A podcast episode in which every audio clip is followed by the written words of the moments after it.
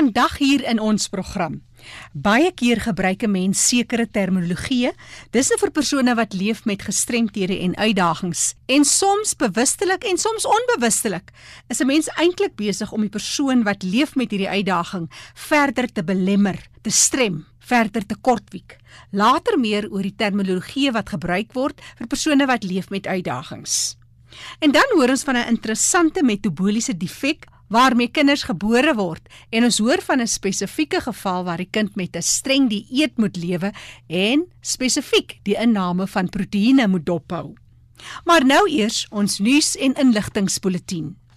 Die Quadparra Vereniging bied 'n aanlyn indiensnemingswerkswinkel aan wat heeltemal gratis bygewoon kan word.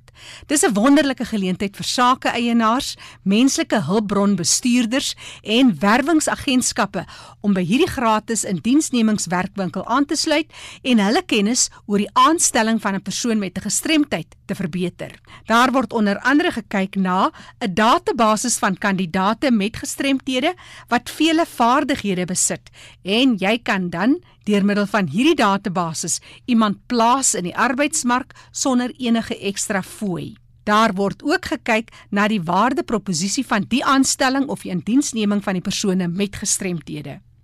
Onder andere ook gelyke indiensneming wetgewing. As jy belangstel, hierdie gratis indiensnemingswerkswinkel vind plaas op die 26ste Februarie om 10:00 die oggend en dit sal gebeur via Zoom So jy kan 'n e-pos stuur om jou belangstelling bekend te maak. Recruitment by qasa.co.za. Ek herhaal, recruitment by qasa.co.za.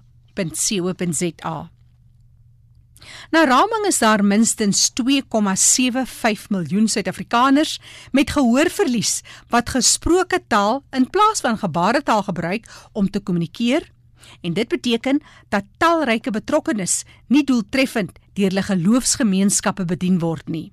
Daar word dus min of geen voorsiening vir toegang tot kommunikasie vir hierdie persone tydens hierdie byeenkomste gemaak nie. Om jou te bemagtig met inligting en raad oor hoe om kommunikasie te verseker, skakel vir Susan Bester. E-posadres: susanbesterdetoy@gmail.com. Susan Bester de Tooi by gmail.com. Onthou jy is baie welkom om 'n e-pos te stuur vir enige navrae of vir nuus uit jou geweste of dalk wil jy 'n storie van 'n persoon met gestremthede met ons deel. Stuur jou e-pos na jackie@rsg.co.za. En nou sluit ons aan by Fanie de Tooi in die Kaap. Baie dankie Jackie. Ek het nou die voorreg om te gesels met Erika de Tooi, sy is van die Wes-Kaapse Vereniging vir persone met gestremthede. Welkom by RC Erika. Dankie Fanie, dit is lekker om te kuier. Vertel ons net meer oor jou rol by die vereniging. Fanie, ek is verantwoordelik vir bewusmaking en sensitisering en dit gaan regtig oor om mense bewus te maak van gestremdheid dat dit wel bestaan en op te lei oor wat behels dit? Wat is die impak op die individu, op die samelewing en ek wil nie sê beklei vir regte nie, maar ons werk definitief vir die regte van persone met gestremthede. Nou jy praat oor bewusmaking. Kom ons gesels 'n bietjie oor terminologie. Mense verwys na persone met gestremthede en mense praat oor persone met gestremthede. En dan soms kom 'n term baie na vore. Ek gaan die Engels gebruik differently abled. Nou dis 'n term wat mense wil weergee dat mense met gestremthede is so verskillend vaardig. Uh, wat beteken dit en hoekom gebruik mense daai term om nie bloot net te sê dis 'n persoon met 'n gestremdheid nie? Want ek dink baie mense is ongemaklik rondom gestremdheid en hulle weet nie altyd hoe om te kommunikeer met 'n persoon met 'n gestremdheid en hulle wil ook nie die verkeerde terminologie gebruik dat hulle dan miskien vir iemand sal aanstoot gee. So Eerens het hierdie term ontstaan wat meer fokus op die positiewe van wat 'n persoon kan doen teenoor dit wat nie gedoen kan word nie. Ek is nie heeltemal seker waar dit vandaan kom, maar ek dink dit gaan regtig oor die persoon wat praat, dat hulle meer gemaklik voel oor gestremdheid sonder om die woord gestremd te gebruik. So dit is 'n tekortkoming in die gemeenskap dat mense nie altyd presies bewus is van wat die terminologie beteken nie. Nou hoekom sou jy sê is hierdie differently able term wat mense gebruik miskien nie altyd tot voordeel van die persoon met 'n gestremdheid nie of miskien nie die aangewese term om te gebruik nie? Ek dink van die eerstens staan hierdie term nêrens in wetgewing nie. En dit beteken daar bestaan ook nie 'n wetlike definisie daarvoor nie. So mense gebruik die term waar en wanneer hulle wil. Tweedens, terwyl die spreker miskien meer gemaklik laat voel oor gestremdheid, plaas dit ook die klem van gestremdheid op die individu met 'n verlies se vermoëns. Byvoorbeeld, 'n onderwyser is in 'n motorongeluk, hy doen 'n spinalkoord besering aan en is verlam vanaf sy middellyf. Ons vra dan, is hy steeds 'n onderwyser? Verander die besering sy vermoë om klas te gee.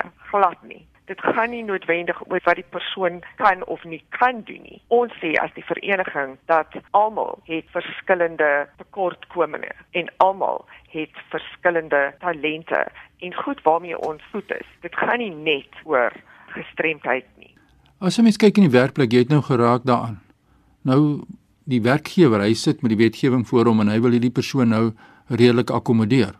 Nou soek hy die terminologie hierdie persoon is 'n persoon met 'n verlies en hy's 'n persoon met 'n gestremdheid en ewe skielik sê die persoon vir hom maar ek is differently able. Dan moet hy nou onderhandel in terme van redelike akkommodasie maar hy vind nie hierdie term soos jy gesê het nie. Toe kan dit tot nadeel wees van die persoon wanneer daar beding word vir sy gelyke geleenthede? Ja, beslis soos ek sê, dit bestaan glad nie in die wetgewing nie. So as jy teenoor jou werkgewer staan, kan jy glad nie beding vir jou eie akkommodasie, vir jou eie behoeftes, want jy identifiseer as iets wat nie in wetgewing bestaan nie. So dit ja, dit benadeel persone met gestremthede.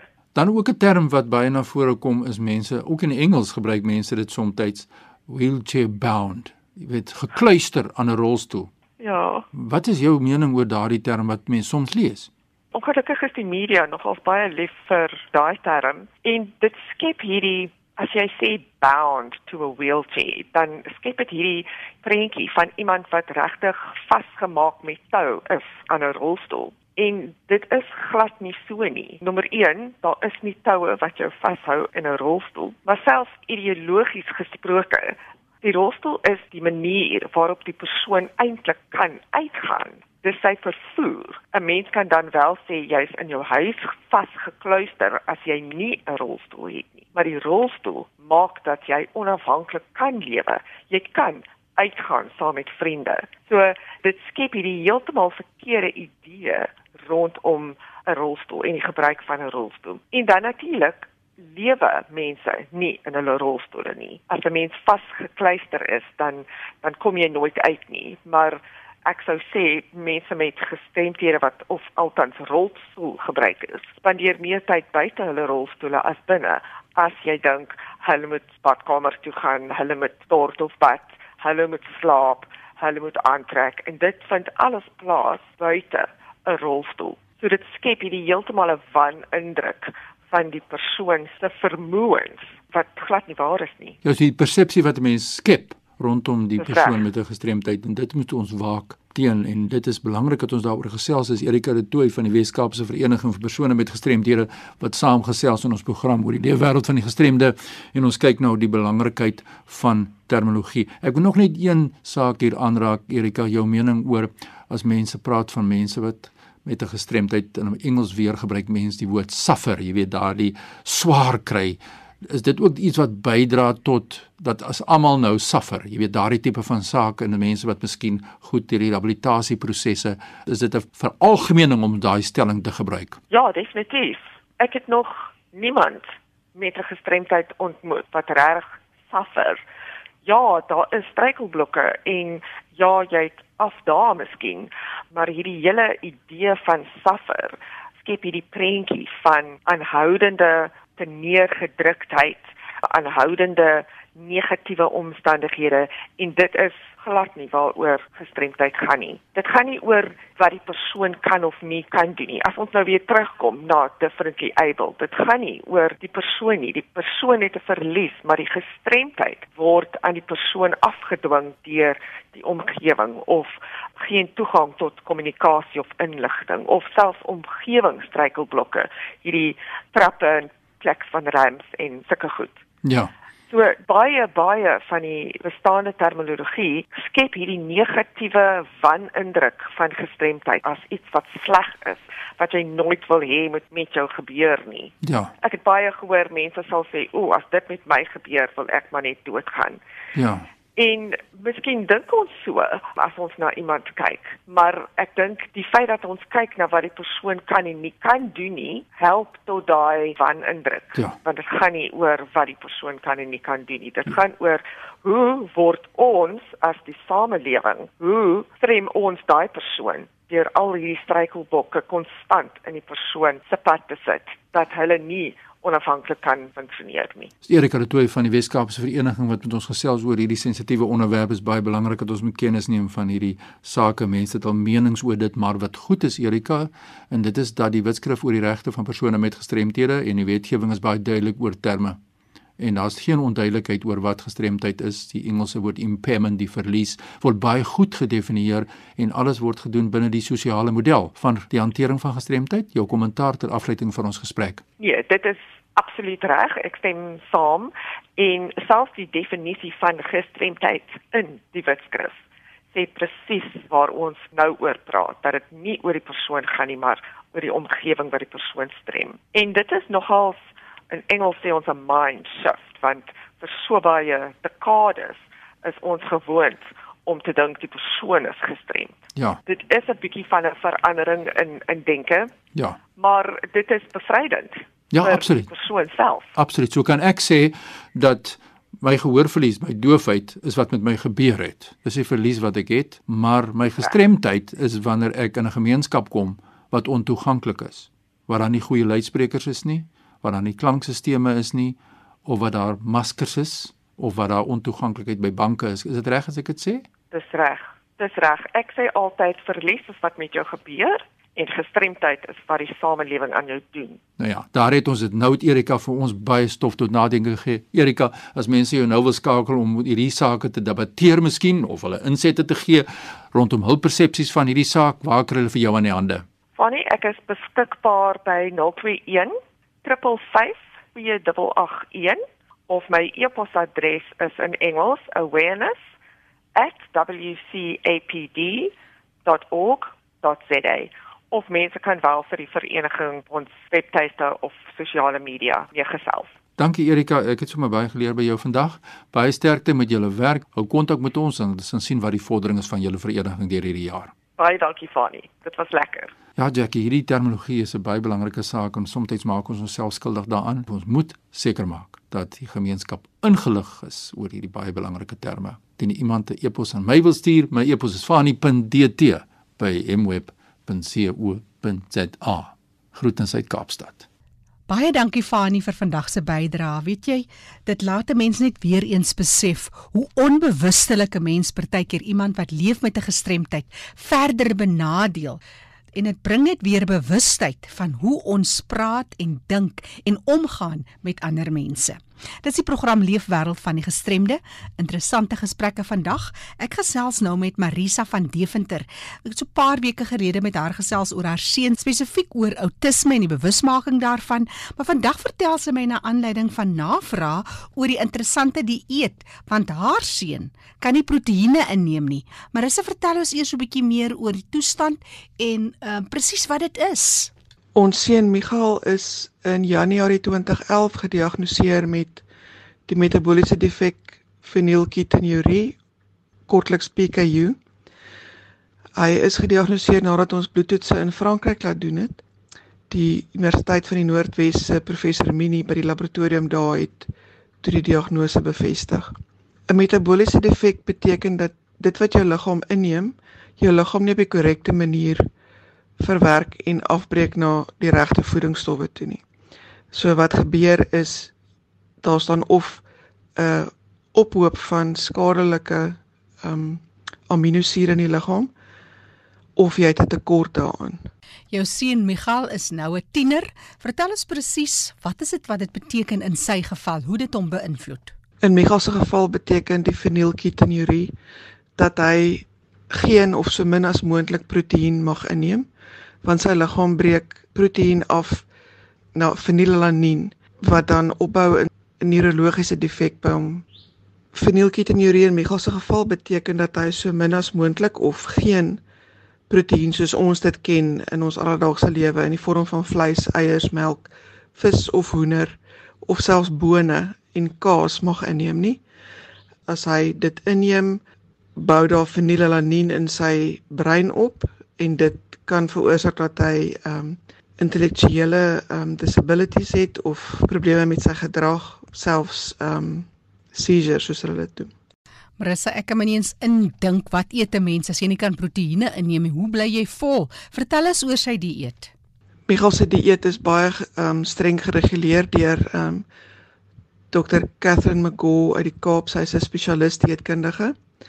Um, ons werk in reilings, so hy neem 13 reilings nou um, op die ouderdom 14 in en dit werk sy uit deur na sy lengte en sy gewig te kyk en na sy metabolisme.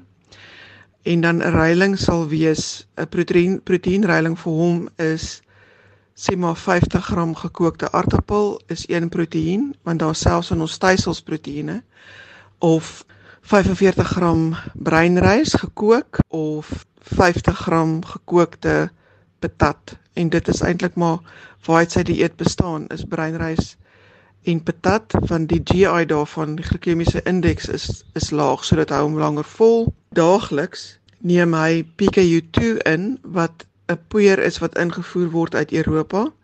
Daarvan neem hy nou 210 gram 'n dag in. Dit is slegter as die slegste slegs wat jy kan dink. Party mense verwys daarna as 'n milkshake maar dit is nie milkshake nie. Dit is ek sê vir dit al die ek dink dit haal jy enamel van jou tande of soos my skoonma altyd sê.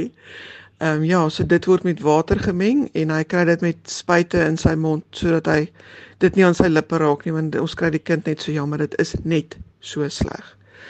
Ehm um, so hy neem die PKU in en dit is dan sy aminosure wat ehm um, nou natuurlik belangrik is vir sy ontwikkeling. En dan eet my kind kilogramme groente soos in ek dink hy eet 'n kilogram geroosterde groente elke aand en deur die dag en sy gunsteling groente is ehm um, eiervrug van alle goed. Maar is maar hoe hanteer jy en jou man dit? Ek meen julle is in een huis en ek is seker julle dan soms nou en dan lus vir 'n stukkie vleisie. Ons probeer om nie voor Michael 'n vleis te eet nie. Ek dink dit is net billik teenoor hom. So hy gaan in die aande 7 uur kamer toe.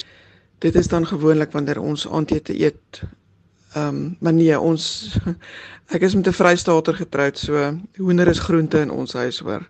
My man is glad nie te vind vir 'n 'n vegan leefstyl nie en dis eintlik maar vegan extreme want daar's ook nie casein en neute en al daai goed in nie.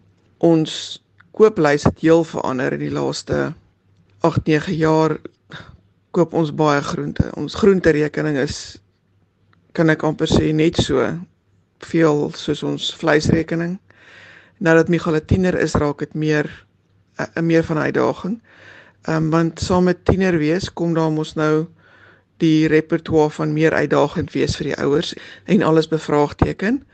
Die maklike manier is, dis nie maklik vir ons nie, maar ons sluit enige iets wat 'n uh, 'n versoeking kan wees, soos sjokolade en kaas en sulke goed sluit ons in 'n um, yskas wat kan sluit toe ehm um, dat iemand nou nie kan besluit hy is lus om sy ma en pa te te toets vandag nie want elke 2 weke laat ons bloedtoetse doen en dit word deur Pathcare gestuur na Universiteit van die Noordwes waar professor Minnie in sy laboratorium kyk hoe lyk Michael se fenilalanin en ehm um, tirosine vlakke. Sy fenilalanin moet verkieslik onder 400 wees en sy tirosine so tussen 40 en 80 Ehm um, ja, so dis my toets elke 2 weke is om te kyk of ek my eksamen deurgekom het of ek my kind se vlakke reg het.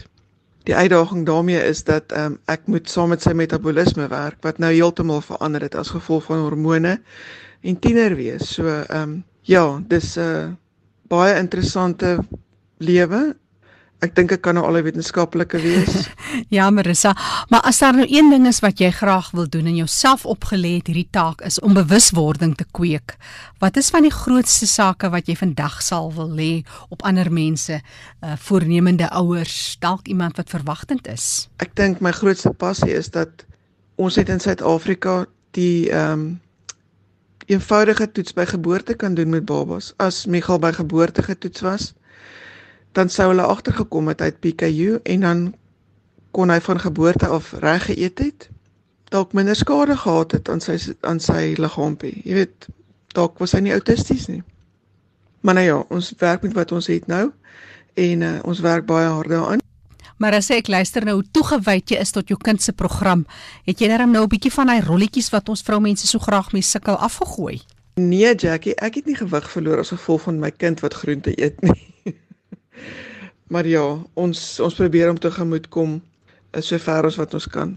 Hy's baie lief om Spur toe te gaan. Geronimo Spur is sy gunsteling plek. Ehm um, en dan Saterdag nadat hy by sy pa se trok was, dan gaan hulle Spur toe en hy kry sy 150 gram Spur chippies wat ons weet dan 5 proteïenreilings is. So ons werk dan nou maar net die ander reilings in deur die dag sodat hy teen hy gaan slaap 13 reilings ingekry het saam met al sy groente. Ons probeer sy lewe nog vir hom lekker maak met sy verjaardag. Laat ons nou maar toelaat hy koek eet. Ons weet daar's proteïen in in meel en daai goed. Maar dis daarom net 'n verjaardag en 'n mens moet koek eet op jou verjaardag. Michael is 'n lang seun, maar baie maar, baie maar. Sy metabolisme is baie vinnig. So sy pediater en dieetkundige is op dit om hom gesond te hou. Marisa, as 'n mens met so 'n situasie gekonfronteer word as jou eie kind is naby die huis, vergewis jy jou seker van die feite. Wat deel jy vandag met ons so ter afsluiting oor hierdie spesifieke metaboliese defek? Een uit 17000 kinders word gebore met um, PKU. In Amerika is daar baie meer data daaroor omdat die toetsie by geboorte gedoen word. Dit is net 'n prik van die baba se hakskeen en dan weet jy en die baba kan normaal groot word. Jy weet net soos wat 'n kind met diabetes gebore word, kry hy die medikasie. So dan kry hy van geboorte af die regte aanvullings vir die kind en sy dieet kan bestuur word. In Michael se geval wat laat gediagnoseer is eers op amper 5 jaar oud, glo ons dit is hoekom sy spraak nie ontwikkel het nie. Ehm um, as gevolg van die neurologiese skade wat ehm um, hy opgedoen het weens die PKU. Maar ja, hy hy's lief om Spurs toe te gaan. Saterdag gaan hulle Spurs toe. Toe Michael gediagnoseer is, was daar iets so sewe kinders wat deur Noordwes Universiteit behandel is, ehm um, gemonitor word in daai stadium PKU gehad het. Ek glo daar's baie meer kinders in Suid-Afrika omdat die toets nie gedoen word nie. Ehm um, dit sal net soveel meer kwaliteit tot die kinders se lewens gee as mens net seker is van dit by geboorte af. As 'n mens net meer bewusmaking daarvoor kan skep. PKU is een van die die makliker bestuurbare metabooliese defekte wat daar is. Daar is tragiese defekte daar buite wat kinders baie moeilike lewens lei en daar word nie veel gepraat oor ehm um, oor metabooliese defekte nie. Mense kan gaan kyk op ehm um, plim.co.za se se webtuiste. Dis ehm um, p l i e m.co.za. Dit is professor Minele en hulle ehm um, laboratorium se webtuiste mense kan daar gaan kyk wat se metabooliese defekte daar is en ook die verhale van kinders wat daarmee leef. Marissa van Deventer, sy het die skool Legacy Center in die Suid-Kaap in George en dit is na aanleiding van haar kind wat na aanleiding van 'n metabooliese defek uiteindelik ook met outisme gediagnoseer is. Interessante gesprek oor sy verhouding met proteïene en die kos en dankie Marisa dat jy ons ingelaat het in julle leefwêreld. Die program is beskikbaar as 'n potgooi. Jy kan weer gaan luister daarna. Gaan na erisg.co.za en jy klik op potgooi. Jy luister weer daarna met vandag se datum. Jy soek dit onder L vir leefwêreld van die gestremde.